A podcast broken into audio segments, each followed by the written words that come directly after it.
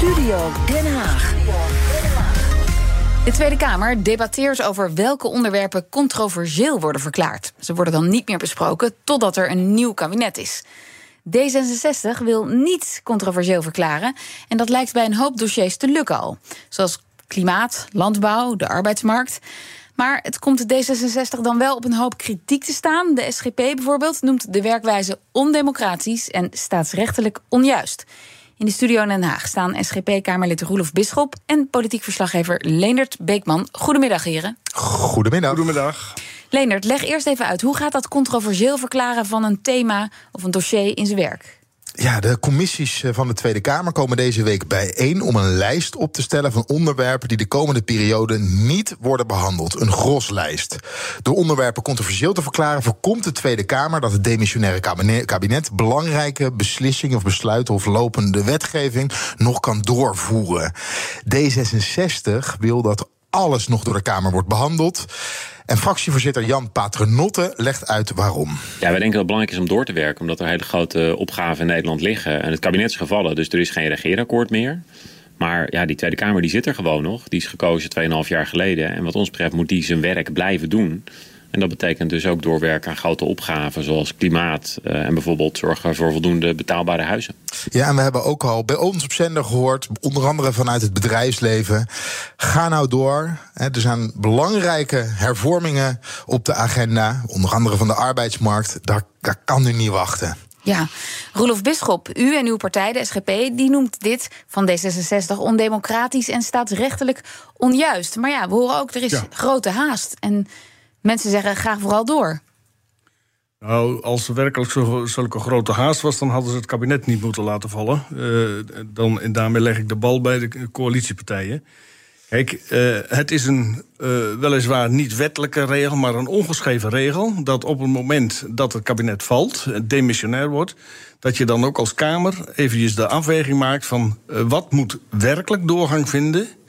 En wat kan prima even geparkeerd worden? Of wat is buitengewoon politiek gevoelig, waar je wilt dat er na de verkiezingen een nieuwe Kamer is die daar zich over kan uitspreken. En wat, wat, wat, moet gewoon, wat kan gewoon doorgaan? En uh, dat is, valt mij nu op. Ik heb er nu een paar keer uh, deze procedure meegemaakt.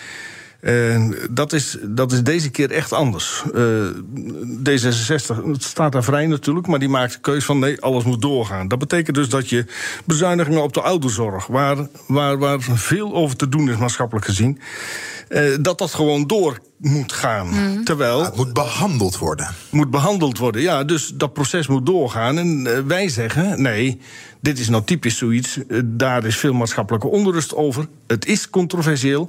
Verklaar het dan ook controversieel. En uh, weeg dan, laat dan de nieuwe Kamer afwegen hoe we daarmee om willen gaan. Nou, een ander voorbeeld.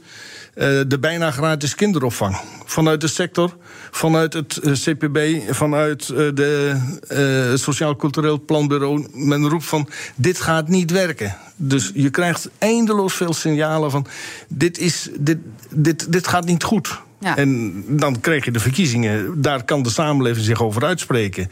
En dan is het toch logisch dat een nieuwe Kamer daar de, ja, het voortouw neemt en daar stappen in gaat Ja. zetten.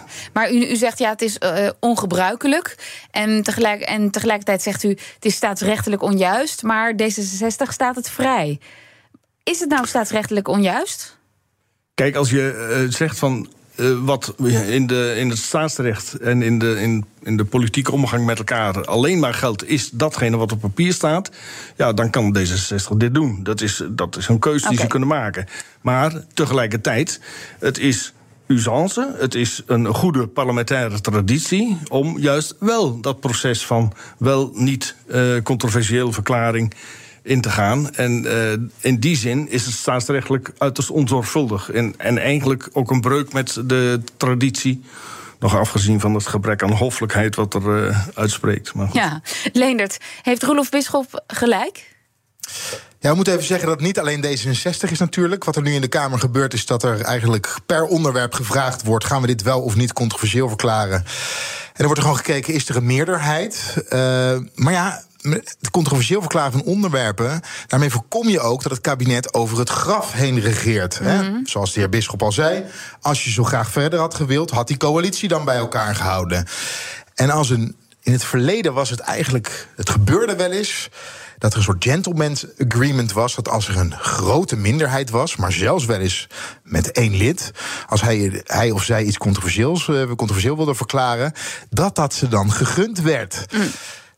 Paternotte van D66 legt uit waarom hij dat in ieder geval namens zijn partij dit jaar niet wil. Nou, eigenlijk precies omdat je de laatste jaren ziet dat het vaak zo is als partijen denken: nou, dit komt ons niet zo goed uit, dus laten we dit dan controversieel verklaren, want dan hoeven we het er niet meer over te hebben. Uh, maar hier zijn we het wel mee eens, dus laten we dit doorzetten. En wij denken, ja, dat is natuurlijk eigenlijk een beetje gek. Want dan gaat iedereen kijken wat voor hem het beste uitkomt. Daarom hebben wij gezegd, wij vinden dat alles door moet gaan. Er zijn ook dingen waar D66 uiteindelijk tegen zal gaan stemmen, omdat wij er tegen zijn. Maar dat is voor ons geen reden om dan het debat nu te willen blokkeren of te zeggen dat het werk daar ook niet door mag gaan. Nee, dan zeggen we laat de democratie zijn werk doen, laat het parlement zijn werk doen. En laten we niet op ons handen gaan zitten, want we zitten hier niet nog drie maanden om uh, met elkaar te gaan pimpampetten. Ja, we niet pimpampetten. En nou, we weten in ieder geval, en dat is geen pimpampet, maar dat bij de SGP de medisch-ethische kwesties gevoelig liggen. Ja, en D66 wil daar graag over verder praten. En zit er, ja, denkt van, nou, als er één handje omhoog gaat van de heer Bisschop van de SGP om het te blokkeren, ja, daar gaan wij niet aan meewerken. Nee, meneer Bisschop, ja, één stem tegen, is dat, is dat eigenlijk wel hoffelijk dan? Nou, dat, dat gebeurde zelden. Tenminste, ik heb het uh, zelden meegemaakt de keren dat ik in, in deze procedure heb gezeten. Uh, het gebeurde wel eens als er een, een kleine minderheid was. Uh, ik kan me niet herinneren dat dat op verzoek van één persoon, van één fractie dat was. Maar als er een paar waren en je had niet echt niet een ruime meerderheid, of, of zelfs niet een ruime minderheid, dat er dan wel eens aan tegemoet werd gekomen, omdat men rekening ermee hield van: oké, dit is voor die gevoelig. Jij hebt zelf ook je punten. Dit is voor mij gevoelig. Dan verwacht je dat ook weer, weer terug. Kijk, en het is natuurlijk een, een beetje een, een rare voorstelling. Alsof je, als je op deze manier werkt, dat dan het hele land stil komt te liggen. Nee, de dingen gaan gewoon door. Alleen een paar andere zaken, een, be een bepaald aantal zaken die maatschappelijk, politiek gevoelig liggen, die, uh, die, die trek je als het ware in het verkiezingsproces. Uh, en dat leg je aan de samenleving voor. Uh, dat, is, dat is denk ik de manier waarop je uh, de, de verankering van je politieke besluitvorming kunt waarborgen. En dat wordt nu even aan de kant geschoven. dan mo okay. het moet gewoon doorgaan. Gaan. En dat, dat lijkt meer op ja. doordrammen dan werkelijk zorgvuldig beleid. Maar Leendert, ik kan me ook voorstellen dat mensen nu in de auto aan het luisteren zijn en, en denken: nou, dit is gewoon Haags gedoe, joh. Is dat het ook? Ik zeg uh, nee. We staan namelijk vlak voor verkiezingen en we hebben nu een oude Kamer. En, er moet nog een nieuwe Kamer komen. En je hebt bijvoorbeeld een thema zoals het klimaatbeleid. D66 wil daar graag op verder. Maar het is maar echt de vraag hoe de nieuwe Tweede Kamer, hoe de verdeling is en of het klimaatbeleid zoals dat nu staat, of dat nog zo verder kan gaan. Ja. Uh, dus dan moet je toch rekening ermee houden dat je in verkiezingstijd zit. En nou, dat is het gevoelige. Uh, je moet er in ieder geval over praten, over dat soort, uh, dat soort thema's. Of je daar dan echt mee verder wil, of dat je toch wil wachten op hoe de verhoudingen zijn in de nieuwe Kamer. Ronald van Raak, hoogleraar Erasmiaanse waarden aan de Erasmus Universiteit in Rotterdam, die zei vorige week bij ons dat hij hoopte dat de Kamer niets controversieel zou verklaren. Wij hebben contact met hem. Ronald van Raak, goedemiddag. Ja, goedemiddag. Ja, uh, u volgt het ook. Bent u tevreden met hoe het nu gaat? Uh, ja, niet helemaal. niet helemaal. Er is toch een, de politieke toestand is ontstaan. Uh, als het gaat om staatsrecht ben ik het vaak eens met de heer Bisschop, maar in dit geval toch niet. Hè? Staatsrecht is voor een grootste deel ongeschreven. Dat is eigenlijk gewoon het optreden van het parlement. Wat doet het parlement? En nu is de vraag, wat vindt het parlement controversieel? Ja, mm -hmm. daar hoef je niet zo'n circus voor op te tuigen. En daar hoef je niet lijstjes voor te maken. En daar hoef je niet over te stemmen. De Tweede Kamer vindt iets controversieel of niet controversieel.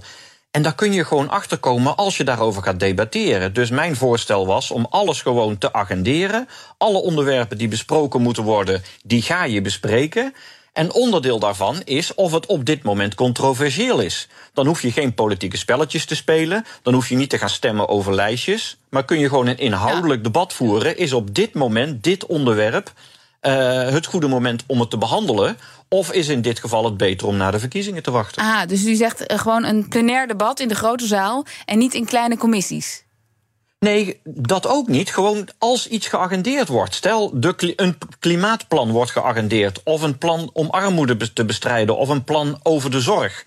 Dan kun je als dat debat beginnen met de vraag: is dit het juiste moment om het te behandelen? Ja, ik snap het. En als je zegt van, uh, nou, het is hartstikke goed om het nu te behandelen, want we hebben een groot probleem en er is grote steun in de Kamer, dan behandel je het. En als je denkt van, ja, maar na de, na de verkiezingen kan het wel eens heel anders liggen en er zijn ook nog allerlei andere problemen, dan wacht je er even mee. Roelof Bisschop van de SGP, ja, dit is een uh, mooie oplossing van meneer Van Raak. Kunt u zich daarin vinden? Nou, ik denk dat dit een heel omslachtige oplossing is. Met alle waardering voor oud-collega Van Raak... Eh, die ik vaak bewonderend heb eh, meegemaakt... Eh, als hij zijn inbreng pleegde. Maar als je de onderwerpen gewoon agendeert en je krijgt eerst de discussie van is dit nou wel of niet controversieel, uh, dan, dan, dan rek je die procedures en die, die, die, uh, die behandeling van die onderwerpen wel heel, heel ver uit. Er waren, uh, juist om dat te voorkomen, er waren per ehm, commissie. lijsten gemaakt van al die onderwerpen die op een of andere manier nog ergens geagendeerd zouden mm. moeten worden of waren. Uh, dat, dat zijn echt. Uh, ik heb er vandaag uh, twee gehad. Uh, dat zijn echt soms pakketten van 35 bladzijden. van, van, met, met totaal.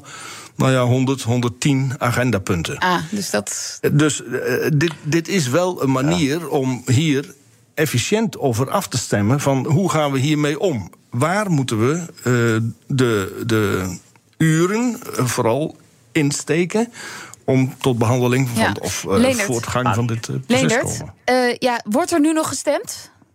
Uh, volgende week wordt er gestemd. Er worden dus die groslijsten worden opgesteld.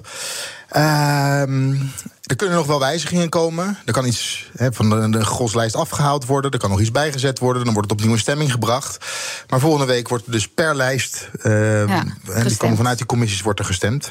Lekker stemmen dus. Dank. Ja. Ronald van Raak, hoogleraar Erasmiaanse Waarden, SGP-Kamerlid Roelof Bisschop en politiek verslaggever Leendert Beekman.